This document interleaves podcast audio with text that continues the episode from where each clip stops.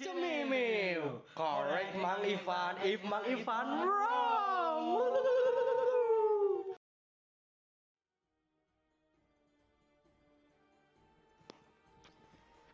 Halo guys, balik lagi di Cemimiu episode 2 Ya, kemarin kita sudah apa? Yes, membahas. Membahas. Episode membahas tuntutan membatalkan puasa Puasa di saat oh kerja gitu. Nah, gimana dari penjelasan Bang Ivan kemarin apa ada yang kurang atau salah? Tolong dikoreksi ya guys ya, bisa di DM aja ke kita. ya tentunya di sini masih bersama saya Hanif Masih ya bersama saya Arlen, ada si Kevin Syamkas, ya dan tentunya sama Bang Ivan. Eh, ya kalau kemarin dia kemarin ada kesalahan atau ada yang kurang jelas boleh di DM aja ke Bang Ivan. Nah sekarang kita mau bacain DM eh bukan DM pertanyaan yang udah masuk ke IG kita masing-masing. teman. Eh, teman kita. Kita bacain ya. Dari dari Sabro ini eh, pertanyaannya dengan nafsu pas bulan puasa gimana dah? Susah benar sebenarnya ini nafsu banyak udah banyak biar banyak makna. banyak makna biar kita lebih jelas dan kita tanya serahkan ke Bang Ivan ya. Silakan. Eh, ya udah langsung aja ke Ivan ya guys saya tiba-tiba skip mau ngomong apa mau dijawab Mak. Assalamualaikum warahmatullahi wabarakatuh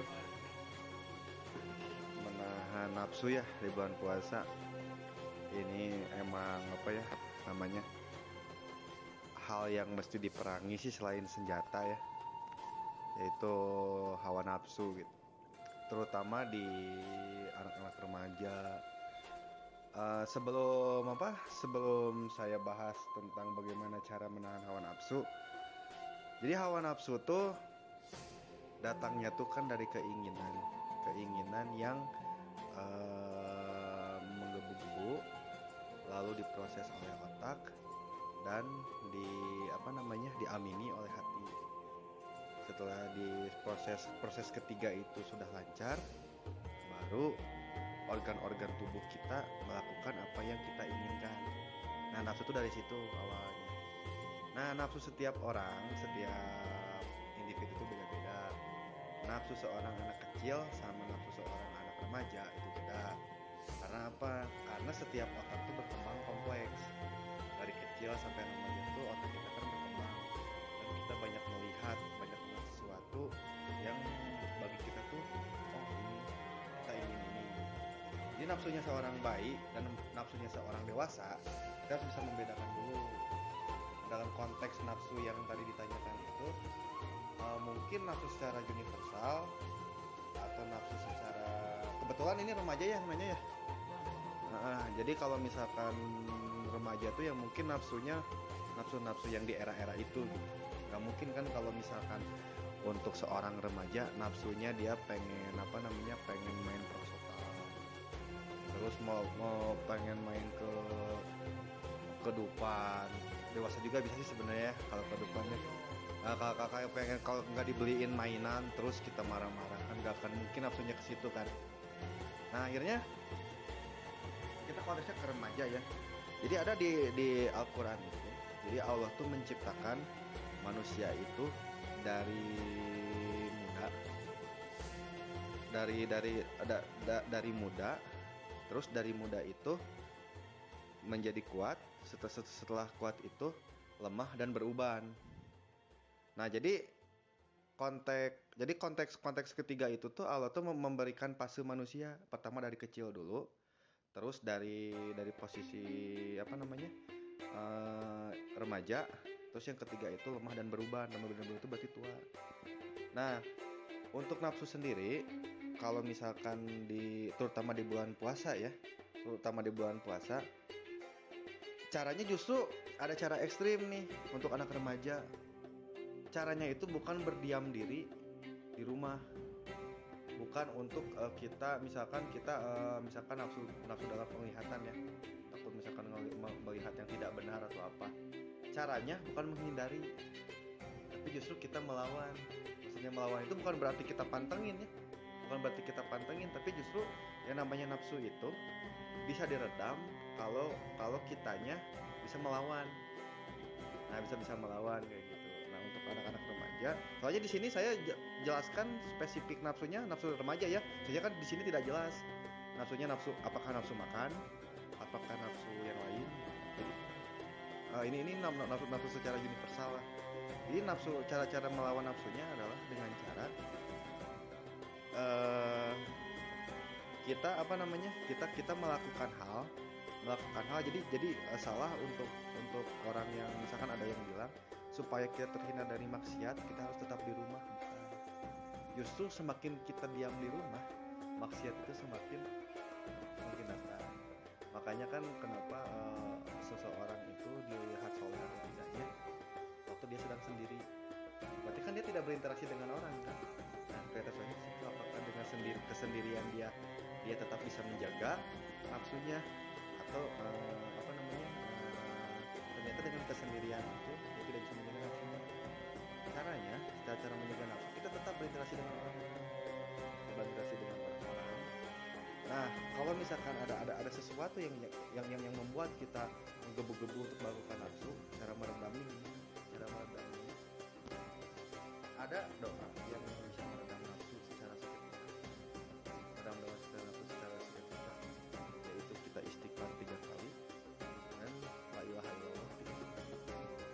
itu secara secara secara cepat bisa meredam secara cepat bisa meredam dan yang yang yang yang pertama itu yang kedua cara kita menghawa, meng, apa, melawan hawa nafsu kita punya ilmu. Karena begini kalau misalkan ada, eh, bulan puasa ada seseorang menawarkan makanan atau minuman kalau kita punya ilmu bahwa bulan puasa itu gini gini gini gini dari ilmu agama ya contohnya bahwa bulan puasa itu dilarang minum kayak gini punya ilmu ini kita bisa melawan nah kan gitu kan ada interaksi kan? Bukan bukan bukan bukan dengan cara kita menghindar. Terus kalau kita menghindar nafsu semakin besar. Jadi kita kita lawan. Misalkan ada seseorang misalkan di sini ada Hanif. Hanif misalkan ngajak saya ayo misalkan kita minum siang-siang haus kan? Terus main bola kayak gitu nah kalau saya punya ilmunya saya bisa ngebalikin si Hanif. Ya ilmu puasa. Atau kalau enggak pun kita punya ilmu ilmiahnya puasa tuh justru bikin kita lebih bertenaga loh kalau misalkan kita olahraga. Terus ngapain kita harus minum? Nah Hanif kan pasti bingung emang bertenaganya sebelah mana? Kan kita kan nggak minum ya. Secara apa namanya itu secara secara logika aja. Kita bisa dapat tenaga dari mana kalau kita nggak minum? Ya kita kalau kita nggak makan kan. Nah karena kita punya ilmunya karena kita punya ilmunya kita punya ilmiah ya. Ini ini kita tidak berbicara dengan Quran dulu dengan ayat tapi kita punya ilmunya puasa tuh gini gini gini gini bahwa menghindari eh, biar supaya lambung kita itu bisa beristirahat. Dan kalau kita bisa, bisa beristirahat metabolisme kita bisa lebih lancar kayak gitu kan. Nah kita bisa kita bisa tuh meredam nafsu kita. Bahkan kita bisa melawan. Bukan meredam lagi. Kalau meredam kan mengerem kan. Mengerem tapi kita bisa melawan. Akhirnya nafsu nafsu siapa yang bisa kita kalahkan? Nafsu kita. Nah gitu. Jadi bu- bukan bukan dengan cara kita menghindar justru dengan kita menghindar itu nafsu semakin besar. Makanya kalau kalau kata Rasulullah ya dulu kalau kalian berpuasa itu jangan kebanyakan tidur. Atau jangan kebanyakan diam di rumah sok main. Ya dalam konteks Rasulullah mah bilangnya bukan main ya tapi silaturahmi. Kalau kita mah kan silaturahmi kan bisa nongkrong kan ya bisa ke teman bisa nongkrong atau bisa ke mana lah kayak gitu kan. Nah justru kayak gitu Rasulullah tuh nganjurinnya bukan dengan berdiam diri. Justru dengan berdiam diri jadi kan gini kalau dengan berdiam diri kan kita kan tidak tahu kapasitas nafsu kita segimana gitu ya gitu. Kalau kita misalkan kita main ke seseorang misalkan ke rumah Arlen atau ke rumah Hamkas Arlen sama Hamkas tuh misalkan ngajak ya ayo gini gini. Gini oh ternyata nafsu nafsu kita tuh cuma sekedar nahan nafsu nah- nahan nafsu makan doang kan. Nah kita punya penjelasannya kita punya ilmu. Nah itu. Nah nanti ilmu itu nanti berkembangnya kita nanti kalau kalau misalkan ilmu yang sudah yang sudah kita tuntut ya atau yang sudah kita misalkan ada buku yang sebuah ada sebuah buku yang sudah pernah kita baca misalkan buku apa pun itu kalau kita meyakini buku itu jadi pedoman itu bisa jadi iman. Nah iman tuh munculnya dari situ. Nah kalau kita kuat kuat di ilmu berarti kuat di iman. Nah kalau kita sudah kuat di iman kalau kalau, kita sudah sudah sudah bisa kuat di iman otomatis apa pun bisa kita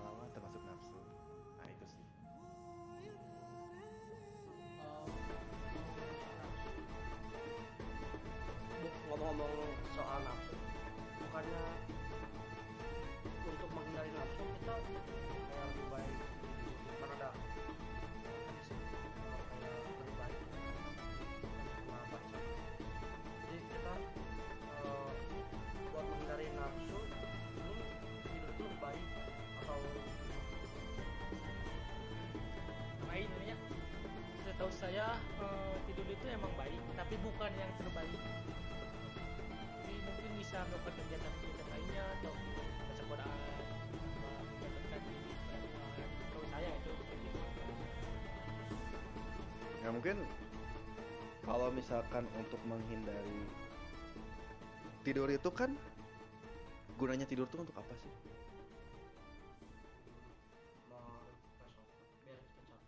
Merepas otak biar nggak capek terus istirahatkan tubuh sih bisa tubuh. Kalau dari Hanif, ya hampir sama lah gitu lah kalau kalau kalau untuk menghindari hal negatif juga mengenai hal-hal negatif. Sekarang begini, kita sholat, eh kita sholat nih. Kalau kita mau sholat harus apa? Harus udu kan. Misalkan kita nungguin waktu zuhur ke asar. Ini konteksnya dari, di bulan puasa ya. Dan bisa juga di umum nih. Misalkan dari zuhur ke asar tuh kita nunggu biasanya berapa jam? dari Dari, dari zuhur ke asar. Eh zuhur ke asar, maaf maaf maaf. Dari asar ke maghrib kita nunggu berapa jam? Tiga jam. Misalkan begini, kita sholat asar, kita kan udu nih, udu ya.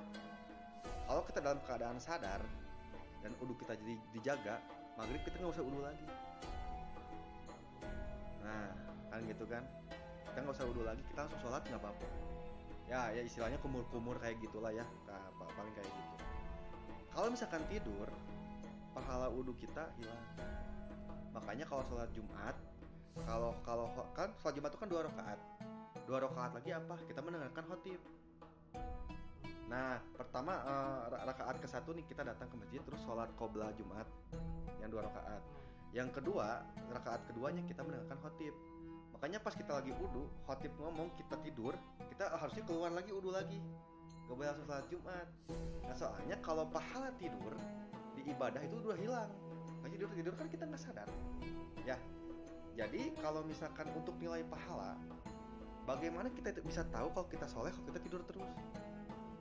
Nah gitu kan. Soalnya hilang. Memang terhindar dari memang terhindar dari sesuatu yang tidak diinginkan kan termasuk nafsu tapi pahala nggak dapet nah soalnya kalau dalam keadaan tidur kita tuh kan nggak tahu ya ini maaf maaf ini mah ya maaf. Misalkan kalau kalau kita tidur kita ngangkang terus nyatu kan kita nggak tahu kan kan nggak sadar.